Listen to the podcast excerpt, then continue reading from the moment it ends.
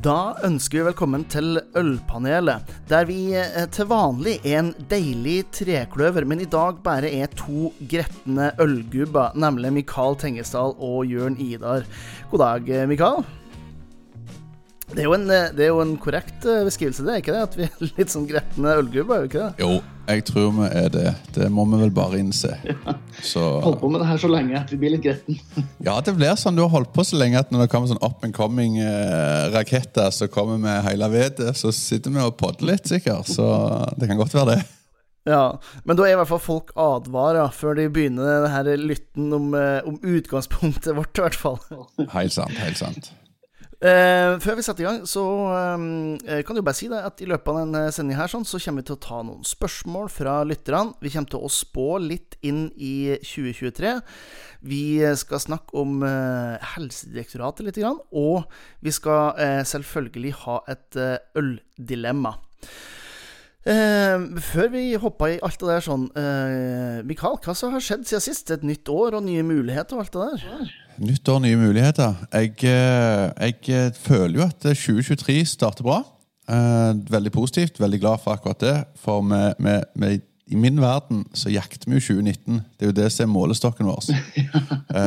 så vi ser jo litt mot den, og vi gleder oss. Nå, nå har vi Vinn eller forsvinn allerede om et par uker. Vi har Solsideølfestival. Det, det, begynner å komme og, og, og poppe opp ting, og det, det, er utrolig kjekt. Setter veldig pris på mm. det. Så, så jeg håper jo at folk begynner å bruke bransjen igjen. Når jeg leser trendene fra USA, og sånn, så er trendene litt at folk begynner å bevege seg ut igjen. Så, mm. så det er jo positivt at hele verden opplever det. Det er bare vår pengetaske som må få gang i det. Så, men jeg er, som alltid, jeg er fra Rogaland, fylket med de positivitetene i, så Nei, som er positive. Ja, det, det, regner, det regner jeg med. Ja. Men på, på, din front, og det skjer vel noe i din verden òg, gjør det ikke det? Det, det, jo da, jeg sitter ikke stille i, stille i båten. Uh, vi slipper jo det her 1.2, eh, og da er det jo bare et par dager til kulinarisk ølsirkus uh, i, i, Oslo. Og der blir det inn 120-130 gjester, sånn som det ser ut, uh, ser ut nå. Det blir helt uh, nydelig. Bryggerier og matprodusenter og i hele tatt. Og jeg nevnte Jeg var jo på det her den gylne humle, ehm, ølpodkasten, og, og, der nevnte jeg at eh, jeg har jo et håp om at det her skal bli en større ting, da, med en, kanskje en todagers der første dagen skal være for, eh, for bransjen. Altså rett og slett øl og mat for uh, profesjonelle. En perfekt kunstpause i koronatid fortsatt, men Uh, ja, nei, jeg nevnte at uh, jeg gjerne ville at uh, den første dagen skal være for profesjonelle. Altså eh, restauranter og servitører og kokker og bryggere og i hele tatt. Og så at hoveddagen på lørdag da skal være en, en festmiddag. Rett og slett for å øke bevisstheten rundt øl og mat, og, og få de profesjonelle enda mer med i det her. Eh, og nå gjør vi en sånn, nesten sånn miniforsøk på det, for jeg er jo så heldig å ha fått med meg studentene på fagskolen i Viken, der jeg, der jeg underviser, på å være med på ja, den, den, fredagen så skal vi faktisk ha foredrag fra, fra produsenter og hele tatt, og, og, begynne den fagbiten. Um, så, så det, det, gleder jeg meg til. Um, og så er det jo et, et prosjekt som jeg har, har dratt det litt inn i. Eh, nemlig et uh, importfirma. Det er, jo, det er, jo, sånn jeg kom profesjonelt inn ja, var, Vinmonopolet var kanskje første gang jeg holdt på med øl profesjonelt uh, utover å servere det. Eh, men jeg gikk jo fra Vinmonopolet til importbransjen og holdt på med det i ti år. Og det har jeg savna såpass mye at jeg har bestemt meg for å starte et, et eget importfirma for, for øl. Um, det blir utfordrende og morsomt. Ja, det er, alltid, alltid, det er, alltid, gøy å starte opp noe. Det er det ikke tvil om. Så mm. frisk mot og god pust og alt det der, så blir det bra. Ja da, ja da. Jeg har ikke sånne eh, græle behov for, uh, for, søvn heller, viser det seg over tid heller, så da, da ordner det seg til slutt uansett. Jeg sier òg hjemme i de magiske fem og en halv, seks timene, så skal jeg overleve det meste. Ja. Så det blir jo et soloshow, da. Eh, og det er jo litt typisk med blitt etter hvert. Jeg tror jo jeg, jeg, tror i starten alltid at det er Ja, men det her det greier alene. Og så innser jeg at uh, kanskje det er mye hyggeligere å gjøre det med andre. Så jeg har jo fått med et, et veldig bra styre som, uh, skal guide meg av gårde. Men enn så lenge så er det jo ikke akkurat noe jeg skal tjene eh, har muligheten til å tjene penger på. Så det vi skal bruke litt tid på å ha det litt morsomt, eh, og forhåpentligvis kunne gjøre det til business etter hvert. Så du jakter lønn i himmelen? Det er der, det er der du skal få lønna di? Jeg håper jo bare få lov til å jobbe med Trappistbryggeriet og Klosterbryggeriet, sånn at jeg har, eh, jeg har satt eh, best mulig odds for å få den lønna etter hvert, ja. Ja. Med, med, jeg og vegne av alle lytterne ønsker deg lykke til. Ja, det kan trengs. Ja. Nei, bra.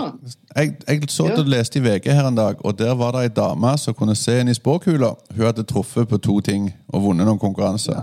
Så jeg vurderte jo om jeg skulle ringe henne jeg, før jeg lanserte at vi skulle finne trender, for vi bomma jo litt i fjor. Vi bomma, men jeg syns jo vi blir bedre og bedre. Fordi at, fordi at eh, Jeg husker første året så bomma vi jo ni av ni. Eh, mens, uh, mens 2022 så bomma vi jo bare fire av uh, Fire av ni. Så det Ja da, ja da. Så uh, nå får vi jo bare Det er jo bare jeg og du her, da. Så vi får Skal vi ta et par spådommer for 2023? Ja, det kan vi godt gjøre. Jeg forstår jo at Øyvind sier at han må prioritere andre ting når vi ikke har spådd så godt, så han, slipper, så han heller kan være med å håne oss etterpå. Istedenfor Ja. å være med og komme med de forslagene. Så, men han blir dypt savna når vi skal oppsummere. Men eh, da er han tilbake igjen. Ja, det- satser på.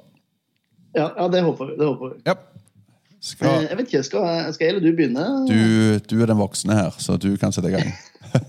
Det er, hyggelig sagt. Eh, min, eh, min første spådom for 2023 er litt, eh, litt dyster. Og det er rett og slett at det kommer til å komme flere konkurser i 2023. Em, og da tenker jeg både på serveringssteder og på bryggerier. Det er flerdelt. Altså det ene er jo det med inflasjon og det faktumet at uh, Alt kosta fryktelig mye mer enn nå enn det gjorde for, eh, for bare et års eh, tid siden, som presser allerede magre marginer i, i flere ledd.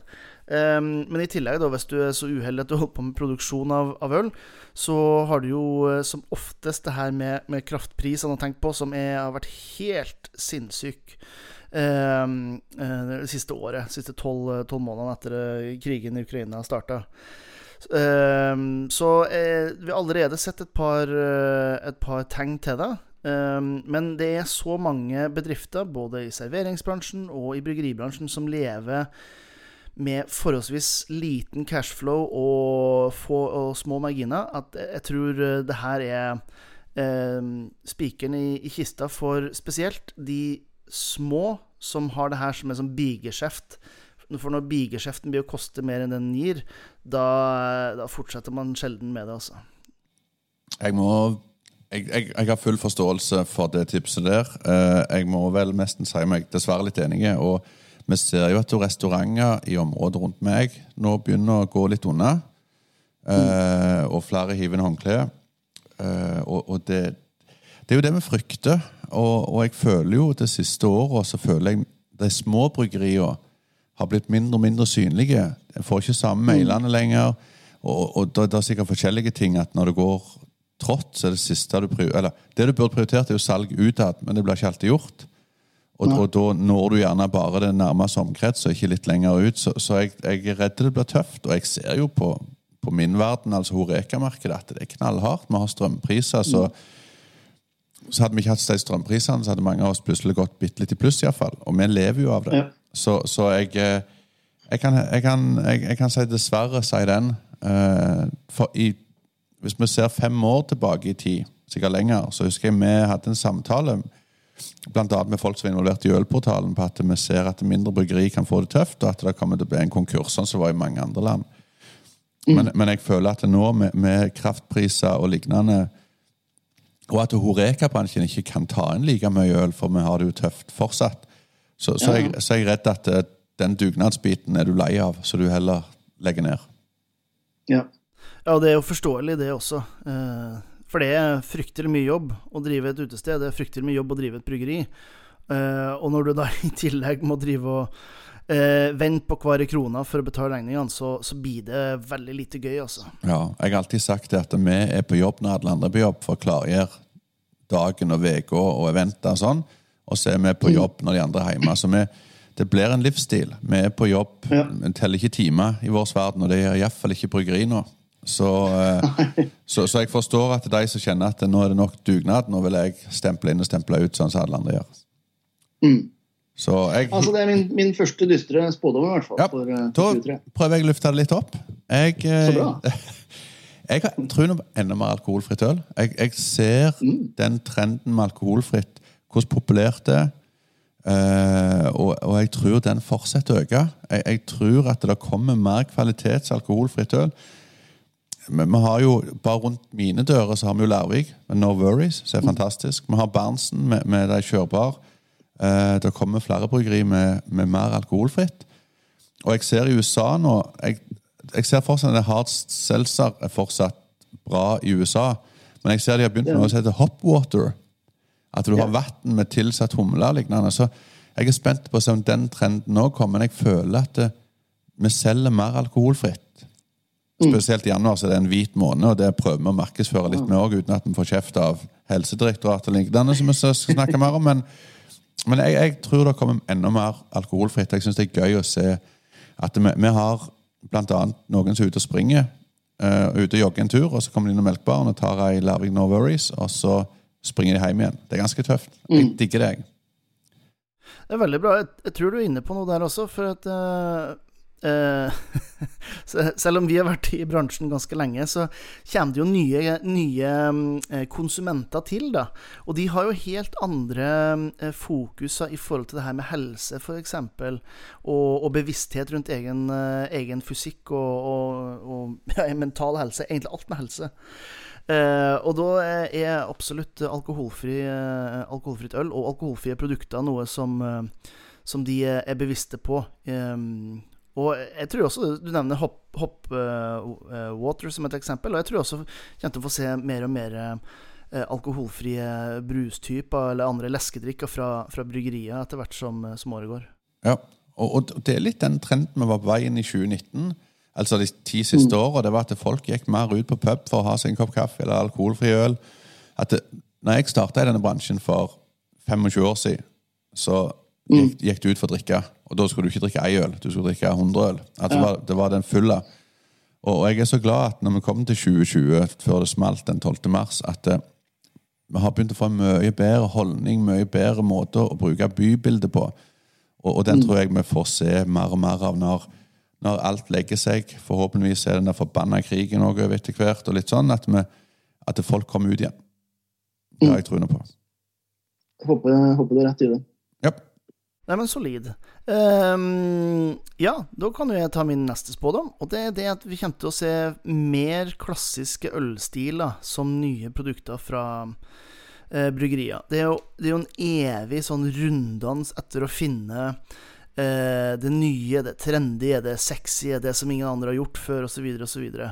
Um, men uh, etter hvert som forbrukermønsteret endra seg litt nå av forskjellige årsaker, så tror jeg nok man kommer til å se mer klassisk ølstil, og kanskje litt mindre av eh, Jeg kan kalle det gimmick-øl, da. Um, det er kanskje et par som blir sure når jeg sier det, da, men altså eh, ting som er laga egentlig bare for å, å provosere, eller som er bare en sånn eh, nesten som markedsføringsjippo. Eh, uten å nevne navn på, på bryggeri, men å drive og putte f.eks.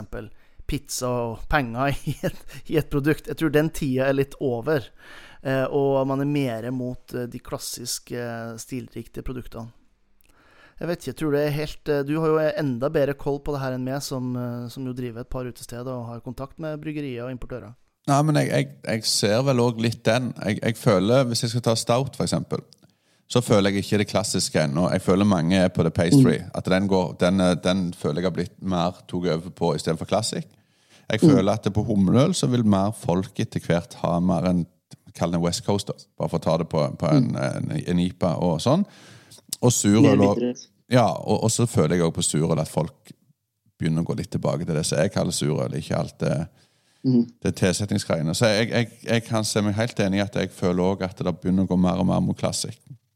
Mm. Eh, jeg ser noen i USA så spår de at det skal mer tilbake til tsjekkisk pilsner. Men jeg følte norske bryggeri prøvde seg på det, men de gikk vekk ifra det igjen. Så, så den Jeg er spent på den. Og så er det så er det litt annerledes i USA for at de er så langt unna Tsjekkia. Så deres pils, sånn som de kjenner det, er jo egentlig en American Light Lager, som jo er som Budwiser og Millis Course og, og, og den, den, typen ting. Så det er jo noe helt annet enn Det vi har, er jo altså, Det vi drikker mest, er jo pils, og det meste er jo inspirert av tysk uh, pilsner. Så det, det, er ikke så vanvittig stor forskjell på en tysk pilsner og en tsjekkisk pilsner. Men jeg, jeg, tror absolutt uh, kommer til å få sånn mer lager, lagerøl. Det jeg håper kanskje, er jo at vi får en klarere differensiering. Så jo, la oss si at uh, eh, x antall bryggerier eh, har mer og mer fokus på klassisk ølstil og perfeksjonere de litt mer ordentlig.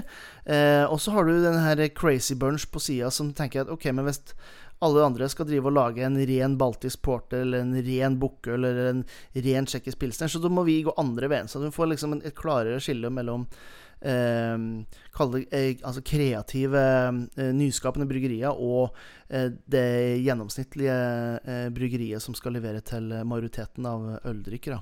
Um, ja, rett og slett mer differensiering som et resultat av det hadde vært litt morsomt å se. Nei, det, det, det blir spennende. Jeg eh, mm. må også oppfordrer jeg alle bryggerier som har lyst til å selge øl til oss, må bare sende oss en mail på postkrøller Så jeg oppfordra meg at små bryggeri ikke sender mailer. Så tenkte da kan jeg ta den med det samme jeg er i gang. Nei, men jeg, da, ja, jeg er enig med den. Uh, og så Da blir det min tur, da. Mm. Uh, jeg så at i 2022 så var det på Untapped vel belgisk eh, på topp ti for første gang.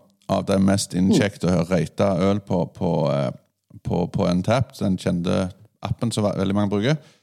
Og da er Lambic mer eh, framme igjen. Og jeg har en liten spådom, for at jeg føler at det belgiske har forsvunnet bitte litt fra fokus til ølbarer og lignende. Og, og, og, litt den der synligheten. Så jeg har en liten fø mm. følelse Og da er vi litt tilbake så du også sier med ren ølstil, altså, men jeg tror mer det belgiske får iallfall sitt mer salgvolum på barer i år. Mm. Og det kan jeg jo faktisk ta og backe opp med statistikk etterpå, så nå må vi bare selge med belgisk. Men, men jeg, jeg, føler at eh, Jeg ser på smakinga òg når jeg har både triple og trappist og, og, alt det der, at eh, jeg føler det blir mer etterspørsel etter det. Så det, det mm. gjenstår jo å se. Men jeg, det er litt håp òg. Det er litt hjerte òg som snakker. Ja, det, noe, det, jo, det, går under den her eh, paraplyen med, med gretten gammel eh, ølgubbe. Helt korrekt. Det, jo det, det, belgiske er jo best, ikke sant? Vi er jo belgofile begge to. Men, men, det du sier der, er jo faktisk noe som kan understøttes med salgstallet til Vinmonopolet, som viser at uh, mye av Ikke mye, men de, de tre kategoriene som eh, dominerer salgstallene, og som har en jevn økning på, på Vinmonopolet, er eh, pilsnere, altså eh, kall det billigproduktene som de har i hyllene. Eh, det er IPA, selvfølgelig. Og så er det det som går under kategorien eh, fellesparaplyen for belgiske, belgiske ølstiler. Eh, så det er på en måte de tre som, som viser jevn økning i, i, 2021, så langt så det fins statistikk, i hvert fall. Så, så jeg, jeg, jeg, er veldig med i din båt. Altså. Akkurat nå så tror jeg det stopper en når han hører dette. her. Akkurat var på polet i Bergen. Og så kjører han, og så ler han såpass mye nå at han stopper inn ved bussholdeplass og holder på å daue av lott. Og så ser han i setet på sida av seg, der ligger det ti bokser med Neipa. Så tenker han 'idiot', og så roer han seg ned og så kjører han videre. ja, det, det, det, kan godt være. ja. Nei, Det er viktig å ha noen spådommer med litt med hjertet òg. Ja, ja, det er helt sant. Den tredje din er ja, Den siste er jo litt negativ. Jeg har to negative og en positive. Det salget, salget av håndverksøl vil gå ned. Um, og da snakker jeg det generelle totalvolumet. Um, og det er jo en liten trend som vi har sett en stund, egentlig, hvis du ser på salgstallene til, eh, til Bryggeriforeninga. Nå er det, de tallene er mangelfulle, for det mangler bl.a. Uh, nå både Ås og Lervig, så de er på en måte ikke en del av uh, regninga. Men, eh, men, trenden er, er, ganske klar, eh, at det går litt nedover. Eh, I tillegg så har jo forbrukermønsteret endra seg drastisk de siste, de siste, seks månedene. Igjen da inflasjon og strømpris i hele tatt. Så det betyr at man går mye mer på pris. Det ser man jo direkte på, på dagligvare i forhold til hvilke produkter som velges. Om, er dette pris 2022 målt mot 2021? Eh, pri, pris tenk, jeg Nei, nå tenker jeg på, på, på, på volum og prosent. Jeg tenker på at det, det var løye sitt antall liter øl ble solgt i Norge i 2019 målt mot 2022. Bare for, sitt, hvordan- for da er grensene åpna og stengte og sånn. eh, eller i mellomtida, mener jeg. hadde gått Det har gått, eh, det har gått ned. så De tallene ligger på bryggeriforeningen.no. Der er det en fane som heter Tall og fakta. Og Der kan man, eh, kan man klikke seg inn på salgsstatistikk, og så ser man det. Men det, man ser en klar nedadgående trend eh, 21 versus 22. Jeg har jo fasiten med meg, jeg trenger ikke gå på noen nettside. Det var håpet- det var derfor jeg håpte du hadde fasiten. Så, nei, men, men jeg, jeg, jeg ser jo den, og jeg forstår jo på, på norske bryggeri òg at eh, når det var stengt på grensehandel, så gikk det jo vanvittig opp både butikk og sånne ting. Og selvfølgelig når grensen åpna igjen, så stakk alle Sverige igjen. Ja. Og det man ser eh, Det har jo gått ned eh, Nå har jeg det bare salgstall fram til november 2021 eh, versus eh, fram til november 2022.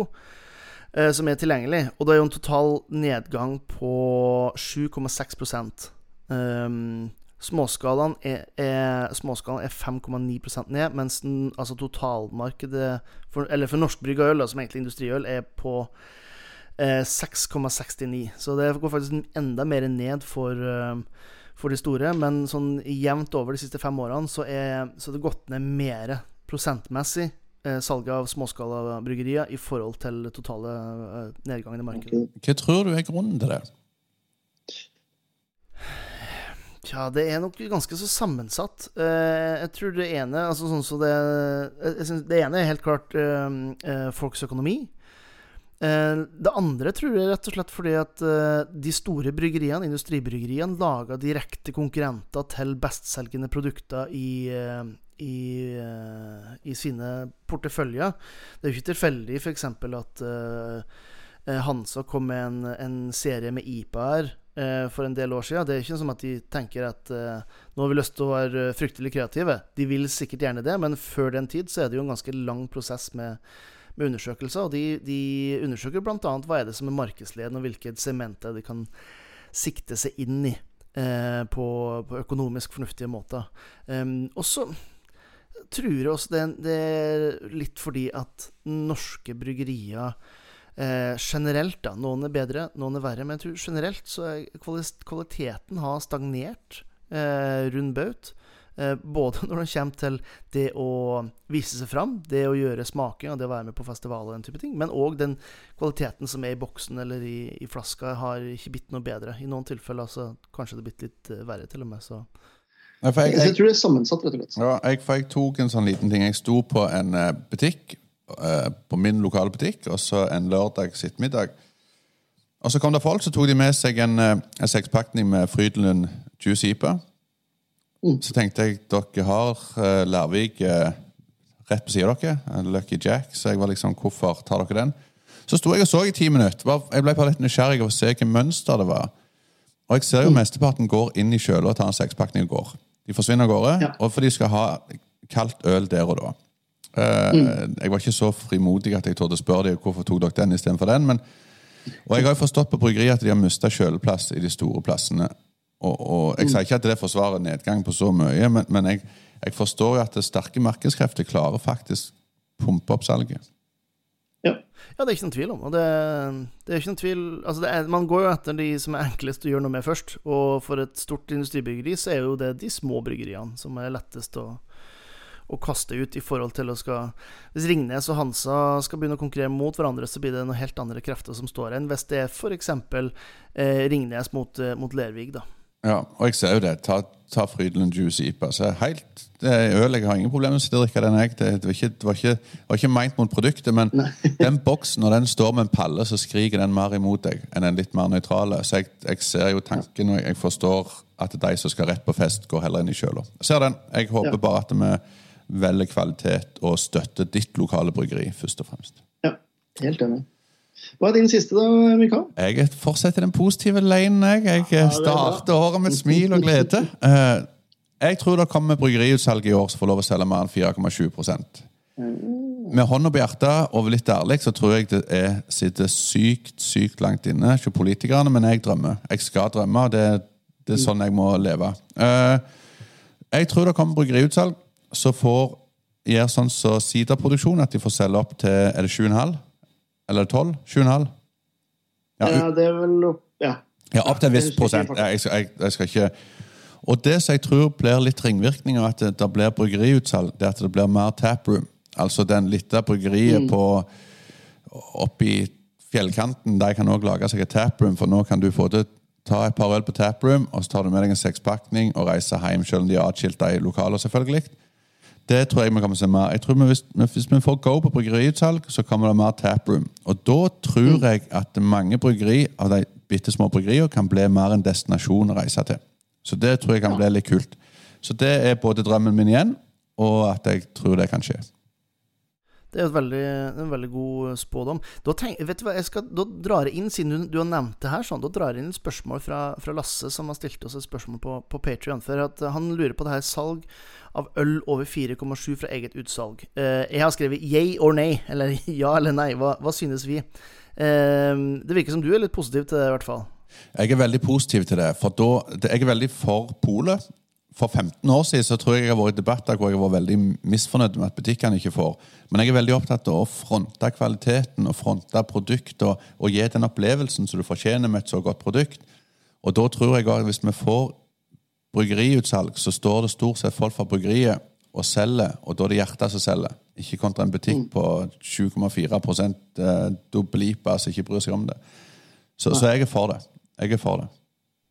Jeg er òg eh, veldig for det. Eh, selvfølgelig med noen eh, klare begrensninger.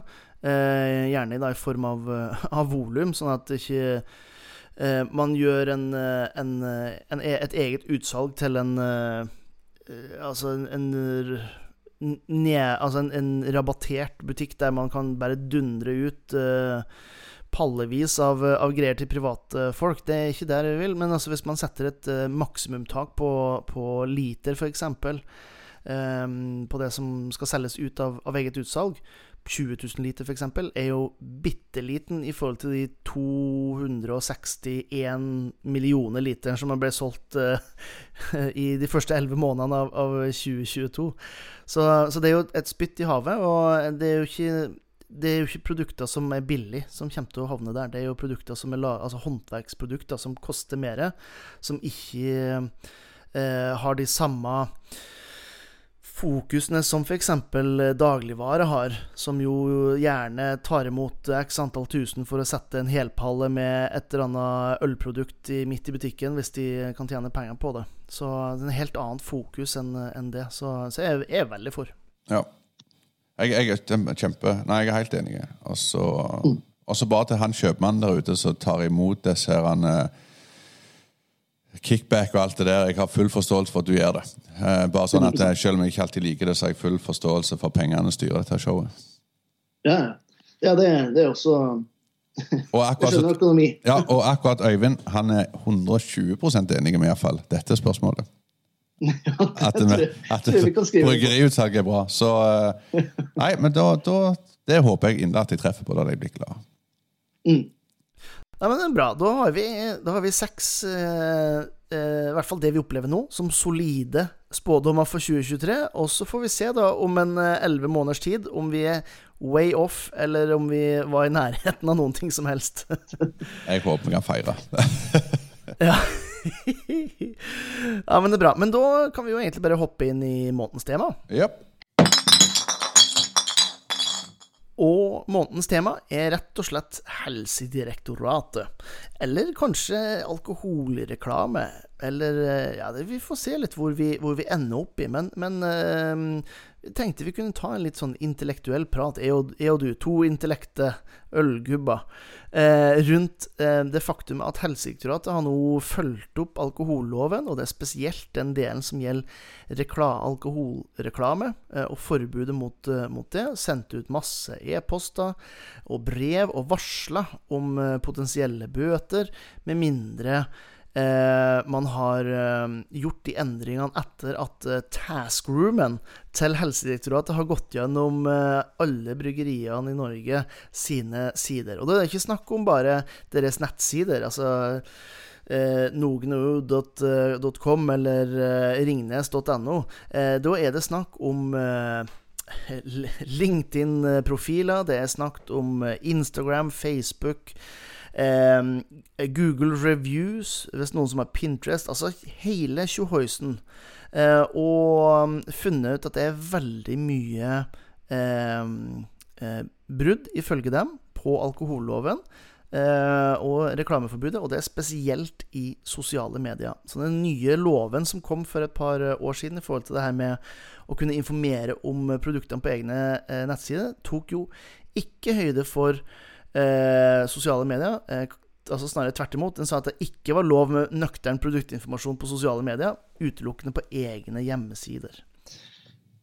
Jeg kjenner bare jeg verker. jeg kjenner jeg har lyst til å hoppe opp og ned. Jeg dette er jo en lov jeg sjøl har jobbet under i 20 år. Uh, sånn sett, med, med, Jeg fikk brev fra kommunen i fjor om at de hadde funnet et bilde fra 2017 som brøt norsk lov. Uh, og Da sa kommuneadvokaten at kan du Mikael, svare på dette. her, Så sa jeg dette er ikke brudd på norsk lov. Her er det ingenting som bryter norsk lov. Jeg kan den loven litt for godt. Og da la de det dødt etterpå. Uh, mm.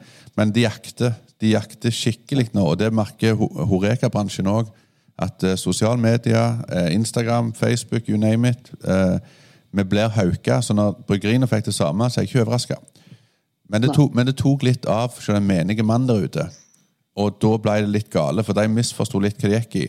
Så VG, eller ikke VG, men det er faktisk.no. Eller det, det lå iallfall på VG, men det er faktisk mm. fakta.no eller faktisk.no. Faktisk.no. Ja, hadde jo gått gjennom dette her og, og sett at loven er jo ganske lik den som vi forholder oss til. Ja. Men, men, det er ganske frustrerende.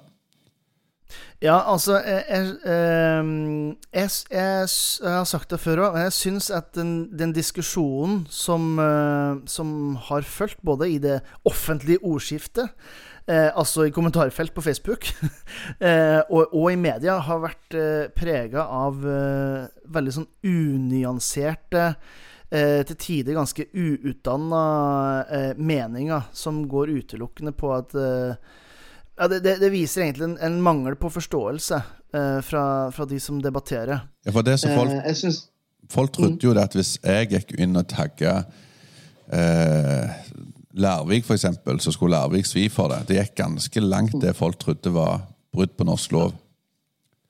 Og det er jo ikke det det går på. Det det går på, er jo det at det skal ikke vises på profilene til den enkelte leverandøren. Um, og jeg, jeg, har sett en del ut av de her eksemplene fra bryggeriene som jeg har fått tilsendt, og når jeg ser det, så ser jeg ja, men selvfølgelig, det her er ikke lov. Det å dele eh, redaksjonell omtale, f.eks., det vet jeg ikke er lov. Og det burde egentlig strengt tatt de som, eh, de som eh, holder på med alkohol, også vite. Det var jo en stor sak om han eh, Ole Martin Alvsen, f.eks for en fire-fem år siden. Han har jo en vinserie, og han delte redaksjonell omtale. Han fikk en sekser for barbereren sine, som for øvrig er veldig, veldig god. Um, og da fikk han påpakk fra, fra, Helsedirektoratet som sa at det her var brudd på alkoholreklamen. Så det er jo ikke, så, det er ikke noe nytt. Men, uh, men jeg syns denne diskusjonen der tok altså helt fyr. Og det er jo klart at i et sånt polariserende samfunn som vi er i dag, så er det jo alltid jo svart eller hvitt. Det er jo ikke noe grått imellom. Eh, og det er jo litt, eh, det er jo litt der selve den diskusjonen eh, enda opp, følte jeg til slutt. Og det Ja. ja for jeg, jeg er jo litt overraska at, at, noen av bryggeriene òg Jeg, jeg syns det er bra at de har fått oppmerksomhet rundt det, digger jeg, for folk trenger å forstå hvordan vi har det. Men, men, men vi, de, de, har jo solgt oss i mange år. De vet jo nøyaktig hvem vi har lov til og ikke lov til. Så, så, jeg er enig i det. Det er en gammel sak, men det er nytt for det norske folk. Og hvis det kan være at det kan riste nok i noen politikere Jeg så en lokale politiker fra mitt distrikt. Var veldig ute og mm. var helt sjokka og skulle ta dette videre til, til regjeringa. Og da delte jeg en post på, på Instagrammen vår, så takket han og, og tagga han og sa at det er godt du slåss for vår sak. Eh, men jeg må dekke over øla du har på bildet. Bare for å vise at dette, dette er gammelt nytt for oss. Og vi ølvertene hadde jo med seg eh, en stortingspolitiker på podkast for noen år siden angående alkohollov. Og, og det, det, er gammelt nytt, og jeg er mest overraska at, at, det tok sånn av, men det er jo sånn ting fungerer. ja, det, det, kan du, det, kan du, si. Også det er viktig å huske det, at eh, de som jobber på Helsedirektoratet, det er jo ikke de som bestemmer lovene som de skal, opp, eh, som de skal følge opp. De er jo byråkrater, så de skal tolke loven. Av og til, i noen tilfeller, så er det jo rett og slett feiltolka. Det kan være enig om, men i majoriteten, altså 95 av gangene jeg har Eller 95% av eksemplene jeg har sett som jeg har fått tilsendt av bryggeri, bryggerier, så er det korrekt. Og så kan man si de neste, resterende 5 prosentene, de kan eh, diskuteres. Om det, om det, det er rett eller ikke. Um, Regelen er ganske enkel. Alt som virker som alkohol, er reklame. Uh, det kan bare se på Aker Brygge. Jeg har sikkert sagt det mange ganger før på podkasten òg, men Aker Brygge hadde den der isen der København, eller hva heter den som er ganske gul, med litt vanilje i, i slutten. Jeg tror det er fra København, eller noe sånt.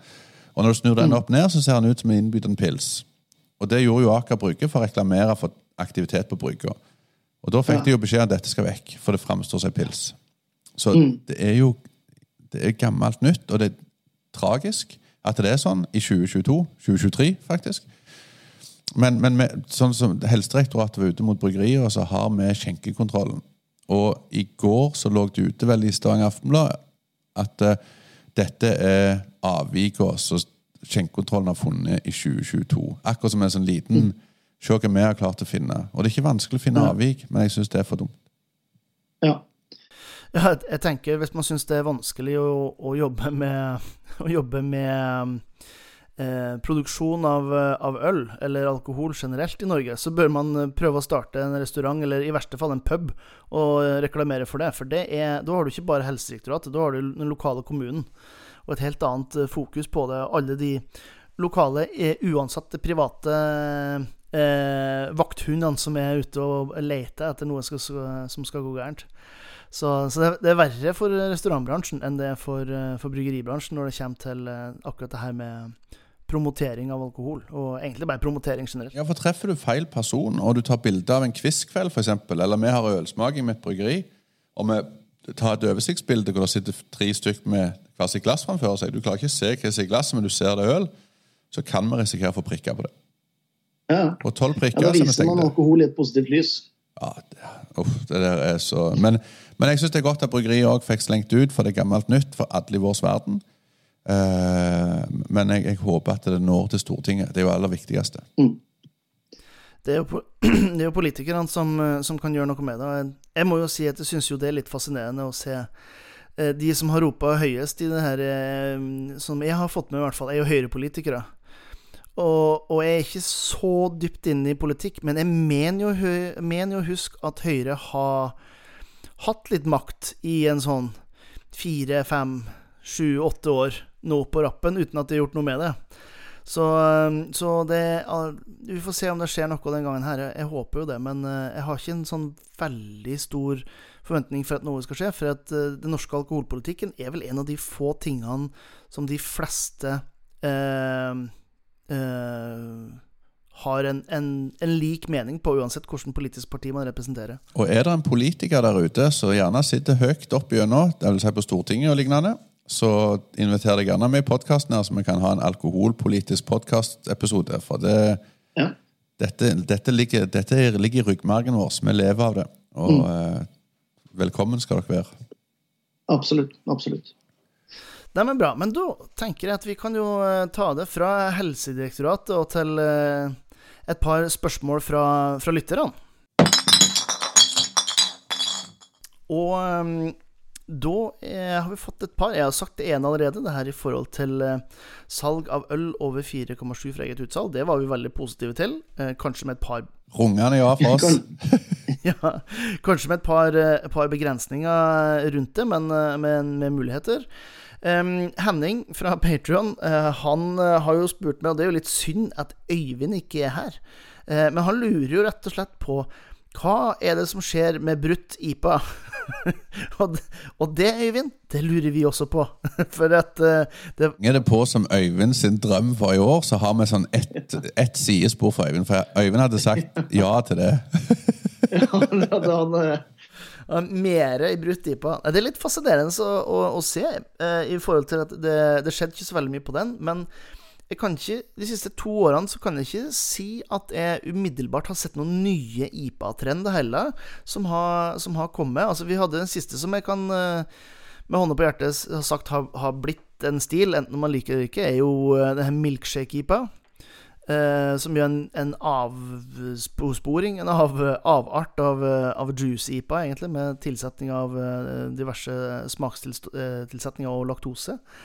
Men ellers er det jo en god stund siden mm, vi har fått noe nytt. Ja, jeg føler vel Neipa er det siste nye som liksom erobra verden på den måten han gjorde. Eller, eller har glemt noen på reisen, men, men det, det er det jeg føler. Nei, Ja, men jeg tror den, er i hvert fall den som ble igjen. Altså Det er masse eksempler på, på IPA-stiler som har vært opp igjennom. Jeg vet ikke om du husker Red IPA, men den var jo 15 minutter med fame for en åtte-ti år siden. Eh, vi har jo hatt Black Black Deepa og White Deepa syns jeg egentlig en, en stil jeg syns det er synd ikke, ikke har overlevd. Ikke helt enig, men det er helt greit. nei. Men det er sant, det. det, det Black Eaper prøvde seg. Den ser jeg bitte, bitte litt tilbake igjen. Vi har på en tapp nå, faktisk, fra Flekkefjord. Uh, på en Black Eepa. Så, så jeg, jeg, jeg likte jo Jeg husker Hva heter det danske bryggeriet med eh, The Men in Black-logoen frampå? Står helt stilt. Samme det. Uh, var det Mager? Samme det. Uansett så var det iallfall det. Ja, Am- Amager hadde den. eh, Ja, og, og da syns jeg dette var litt kult, men det gikk jo fort over. Det tror jeg var like greit. etter Du ble litt, ble litt lei av det. Ja, nei, det mm, det, det, altså det fins det, det, det må jo gi kudos til eh, Kudos til eh, Lervig, som jo kom med en Nitro-stout her eh, i butikkstyrke før jul. Eh, den var meget god, så, og da er vi jo egentlig litt inne på eh, den spådommen om at vi kommer til å se mer sånn klassisk ølstil. Det, det er jo en, eh, en Guinness som jo har vært med i et, et par år, for å si det mildt. Så, men, men mer sånn eksperimentering, det sier vi gjerne ja til. Men det, noen store sånn IPA-trend er litt vanskelig å se på horisonten, altså. Jeg trodde vi hadde begynt å gå ned på Lærvik. Jeg føler at det, vi, vi handler jo Lærvik hele tida, for det er jo lokalbryggeriet vårt. Så skulle jeg gå gjennom og se flasken, så jeg vi hadde 21 forskjellige typer på flasker fra Larvik. Så tenkte jeg ok, Ja. Larvik er seg veldig inn, for det, du ser det hele tida, for det er jo igjen nabolagsbryggeriet. Så, Mm, så jeg syns det er tøft. Kult, stort, bra. enig. Eh, og så var det et eh, generelt eh, spørsmål her som hva er det vi ser av nye trender? Ehm, og der er det jo litt, Det går egentlig litt på spådommene, vi eh, hva vi håper og hva vi tror kommer til å, kommer til å skje. Eh, humlevann, som du sier, eh, i, i Statene er en stor ting. Jeg er litt usikker på om vi kommer til å se den trenden her, for vi har ikke I USA så har de en, en mye større eh, marked for flavored water enn vi har i Norge, altså smakstilsatt eh, vann. Vi har jo selvfølgelig Imsdal med mango og agurk og tjo og hei, men det er liksom det er én eller maks to produsenter nasjonalt, mens i USA så er det mye, mye større. Ja, så har de fokus Kalori òg har de veldig fokus på i USA. Det har vi jo sett med disse mm. liteøla og eh, jeg så når norske Sel hard seltzer. Ja, stemmer det. Så jeg, eh, jeg tror ikke heller vi ser hopwater, men eh, det har vært spennende prøvd uansett, selv om vi ikke ser det her i Norge. Jeg er enig.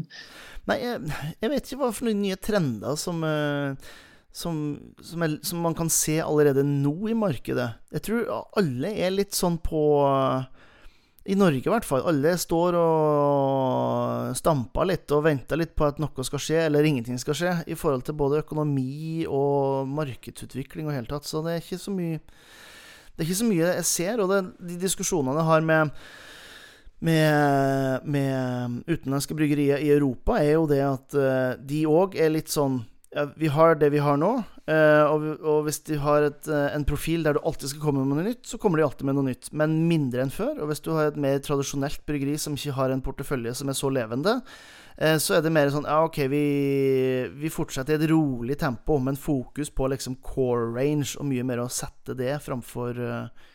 Innovasjon og den type ting.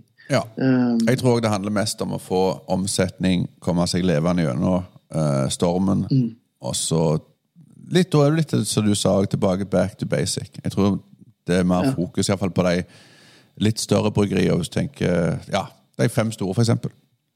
mm, Jeg tror, jeg tror at det er det eneste jeg kan si som en, som en, jeg ser som en genuin ny ting ehm, Ikke i Norge enda, som er litt overraskende, egentlig, men som jeg ser eh, i både Danmark og Nederland og, eh, og England og hele tatt, sånn i, i europeisk, er fokus på bærekraft. Eh, på et helt nytt, eh, helt nytt nivå. Jeg hadde bl.a. en samtale i en, i en annen podkast som jeg driver, for, eh, driver samarbeid med, med Plato. Det snakka med et bryggeri som heter Fell Brewery. Og de har et, et, veldig stort fokus på det her med, med bærekraft. Både bruke jordvarme, solcellepanel, hvordan kan man redusere eh, vannbruken, for det er jo òg en utgift, ikke sant? Eh, du må jo varme opp. Hvordan kan man være mest mulig effektiv med energi? Um, det her føler jeg et, et tema som jeg ikke så mye snakker om høyt i Norge, i hvert fall. Men som gir uh, Som jeg ser en, som en, en, klar trend fra mindre bryggerier i, uh, i, i utlandet, i hvert fall. Ja, og det, og det kunne vi jo sjekket opp litt med de, de, de bryggeriene som eksporterer mest, om at det er fokus på det grønne skiftet der nede. Uh, om, at, mm. om, at, det er noe folk snakker om. For nå var jeg på bedrifts, uh, eller omvisning på Figgjo porselenfabrikk som ligger rett borti her. Og, og, de hadde fått vanvittig med solcellepanel på taket, og da spurte jeg han sjefselgeren har Når dere selger til utlandet, porselen, alt det der til hotell og sånn utlandet, er mye fokus på det grønne skiftet, og det var det mye fokus på på innkjøp. Mm.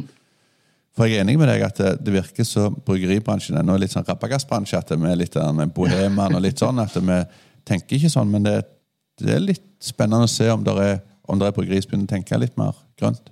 Mm. Ja, det er i hvert fall noe som jeg, jeg, jeg jobber jo med, med matlauget, og der er jo bærekraft en av de store tingene som vi, som vi fokuserer på. Men det er òg en ting som man ser at kundene begynner å fokusere mer og mer på. Det begynner med det begynner gjerne med hotellbransjene og hotellkjedene som setter klare krav til, eh, til eh, det her fokuset. Eh, og det er klart at noen store må lede an for at de små skal kunne hoppe etter. Eh, så det kommer til å komme, og det kommer til å gå over i, i ølbransjen også, forhåpentligvis om ikke så lenge. Nei, Det spørsmålet tar vi med oss videre når Øyvind er med neste gang og hører om de har noen tanker mm. rundt det grønne. Det er bra. Ja, det er godt. Nei, men Bra. Da eh, nærmer vi oss slutten. Men før vi på en måte sier takk for nå og, eh, og, og så videre, så er det jo klart for et, eh, et øldilemma. Og jeg må innrømme at mitt øldilemma er ikke, det er ikke mitt mest solide, men allikevel, jeg syns det er relevant i forhold til den praten som vi har, vi har hatt nå. Så da er jo spørsmålet, Mikael Vil du jobbe med øl i Helsedirektoratet? Å følge opp alkoholloven? Eller vil du jobbe i motbakke for å endre politikken i Bryggeriforeninga? Oh, jeg hadde nok fått sparken fort, for jeg hadde nok brukt sunn fornuft på Helsedirektoratet. Så jeg har sagt dette her er ikke bra. Uh, jeg liker å bli hørt og prøve å gjøre en forskjell, selv om jeg vet ja, det er motbakke så det synger etter. Så jeg uh, tar jobben i motbakke. jeg. Mm. Kan jeg si ja, faen, altså, kan jeg si mange ganger. Men uh, det, jeg, jeg, jeg, må gå for den, for, for jeg, jeg, kan ikke jakte ting som er imot min sunne fornuft. Uh, du har .com på 1000 sider i verden hvor du får all ølreklame, men vi i dette dumme lille landet har ikke lov til å gjøre noen ting. Så, så jeg, jobber, jeg jobber for å endre. Jeg jobber for å endre. Ja. Hva velger du sjøl? Altså det, det, jeg har innsett, at uansett om jeg skulle sagt ja til å jobbe i Helsedirektoratet eller å jobbe i Bryggeriforeninga, så hadde jeg trengt en psykolog. Fordi på den ene sida eh, hadde jeg skulle jobba med å straffe eh, ølbransjen, så hadde det, det, hadde gått, det hadde gått ut over min mentale helse. Det har på en måte det har dratt meg ned. Eh, samtidig så hadde jeg blitt enormt frustrert har jeg jobba i Bryggeriforeninga. Eh, til et eh, punkt der man bedrevet til nesten vanvidd i forhold til eh, de små stegene som går framover. Og jeg er ikke så fryktelig tålmodig ja, når det kommer til sånne ting. Eh, men jeg tror kanskje, altså, for eh, sluttresultatet eh, det potensielle det si, det potensielle sluttresultatet, så tror jeg nok jeg ville sagt at jeg skulle jobba med å, å, endre politikken i Bryggeriforeninga. For da, da, da har jeg i hvert fall følt at jeg har fått progresjon. Mens i Helsedirektoratet så jobber jo man med de um, lover og regler som gjelder nå. Um, jeg er redd du blir ikke hørt. Det blir så stort at du blir ikke hørt. Den frustrasjonen min hver dag med å fortelle hvor landet mm. ligger hen, det blir bare Men det kan jo være en, fordel. Det, jo være en fordel. det er en fordel sånn ni til fire-jobb, ikke sant? Det man kan, man kan, møte opp, men man har ikke noen store forventninger til å jobbe veldig mye utover sitt eh, mandat. Nei, det er ikke klart. Hadde, det, det, folk har sagt det til meg. Du, Mikael, kan ikke ha en A4-jobb, for du kommer til å rive ned noe. Så jeg, eh, Jeg hadde, jeg hadde nok krevd møte om hver minste ting og sagt at nå må vi våkne opp, og så møter jeg bare stengte ører, rett og slett. Så, men eh, det, det, det var et bra dilemma, for du, det blir liksom Det blir tøft uansett hva du velger. Ja, ja, det blir det. Det er bra. Mitt dilemma handler mer om alkoholkonsum. Så jeg lurer på Vil du drikke øl fra ett land resten av livet? Altså du kan velge hvilket bryggeri du vil i det landet. Eller vil du drikke øl fra ett bryggeri fra hvert land resten av livet? For det første jeg tenkte, var bare Ja, men det her, det her svaret er jo helt opplagt, før du hadde sagt nummer to, da.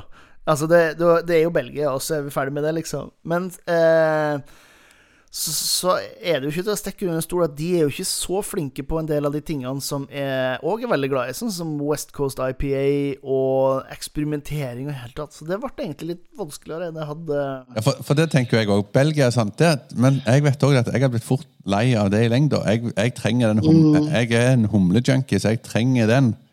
Og da føler jeg Belgia ikke er det beste lenger. Men da, da, føler jeg nesten at det, det, det, er litt juks å si det, men, men, kan man ikke velge USA, da? Jo, det kan du få lov til å velge. Jeg tror, jeg tror, ja, men jeg, jeg tror faktisk det. Altså, det fins uh, over 10 000 bryggerier der. De har fryktelig gode belgiskinspirerte uh, bryggerier, inkludert et uh, ganske stort et som heter New Belgium, som jo har et helt vanvittig vanvittig eh, fatproduksjon eh, i foodere og i hele tatt, og det er mange som dem. Jeg vet du hva, jeg tror faktisk jeg lander Mye sykkel i logoen, for en som liker sykling, så er det ganske ja, det, gøy. ja, det, det, er helt sant. Um, og så er det jo mine gamle venner i Sierra Nevada, og det er masse potensial. Det, jeg tror faktisk ikke det er noe land i verden med større variasjon. Uh, men jeg er bare så, jeg er så redd for at hvis det sier uh, Hvis det sier bare ett bryggeri, så går jeg glipp av noe. Altså et bryggeri per land. Ja, Men, men er, USA er vel bitte litt imot eh, fundamentaliteten i deg, med at du ikke helt skal støtte Du liker jo litt europeisk og litt spesielt belgisk. og... Mm. Men de er jævla flinke, da. Vet du hva, jeg tror jeg, jeg, tror jeg, jeg, jeg sier USA. Jeg tror jeg velger USA, med alle de 10 000 variasjonene de har, eh, bokstavelig talt, i, i landet sitt. Overskrifta er 'Jørn Idar elsker USA'. USA. USA. USA. Enn du, Nikara? Jeg, jeg, jeg, gikk en del runder med meg sjøl og tenkte at jeg hadde gått for USA, jeg òg. Ja, jeg, jeg, eh, For USA! Ja, så, for, for, eh, hvis jeg skal velge et norsk bryggeri, så er jeg sånn Fader velger jeg da? Jeg, jeg, har veldig lyst til, jeg vet hvilket bryggeri fort jeg har lyst til å lande på, men så er det sånn Ja, men da, da låser jeg meg på det. Og jeg, jeg kommer litt til det som du sier, at USA er så stort, altså mangfold at jeg skal klare å overleve der ganske lenge. Mm. Ja, det, det, tror jeg jo. Det er, ja, for er også var litt sånn Ok, hvis du tar hvert land, så Ok, men da kan jeg få Dry Fontaine. Ja, men da, da får jeg ikke Rodenbach. Uh, ok, men da sliter jeg litt. Og så kan jeg få Ok, jeg kan få Ryger, da, siden Øyvind ikke er her, kan, kan være med i hvert fall på, på, det. Men da får jeg ikke Lindheim. Uh, ok, men ah, Og så, så det og da, liksom, da, er det land igjen. Og da, min umiddelbare tanke var jo, var, jo, eh, var jo, Belgia. Men når du sa det her med variasjon, da tenkte jeg ok, men da er det egentlig USA. Er det It's place to be. Ja, så tenkte jeg at Hvis jeg hadde valgt Norge, så tenker jeg, reiser jo en del rundt i verden. Så tenker jeg skal jeg gå der borte uten å drikke øl, så USA reiser jeg jo til i ny og ne.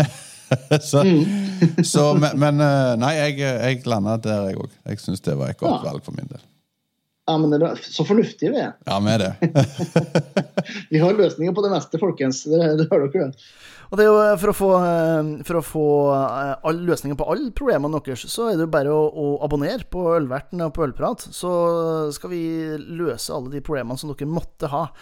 Innenfor et ganske snevert område, selvfølgelig, i livet, som jo da er Som jo da selvfølgelig er øl. Og send inn spørsmål, vi svarer på alt. Ja, det, dere hører det at, uh, at, dere skal få svar.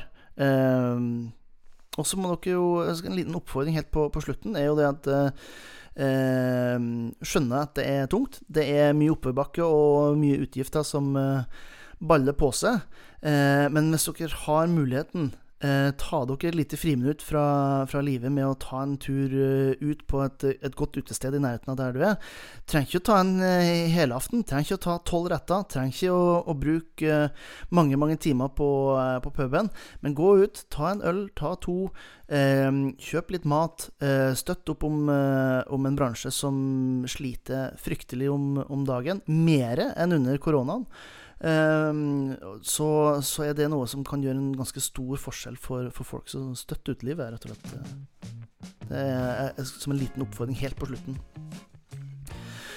Før vi sier takk for nå, Mikael, har du noe å tilføye for Nyt, li, nyt livet, støtt lokale puben og bryggeriet. Særlig bra. Ja, det er vakkert. Sånn skal det være.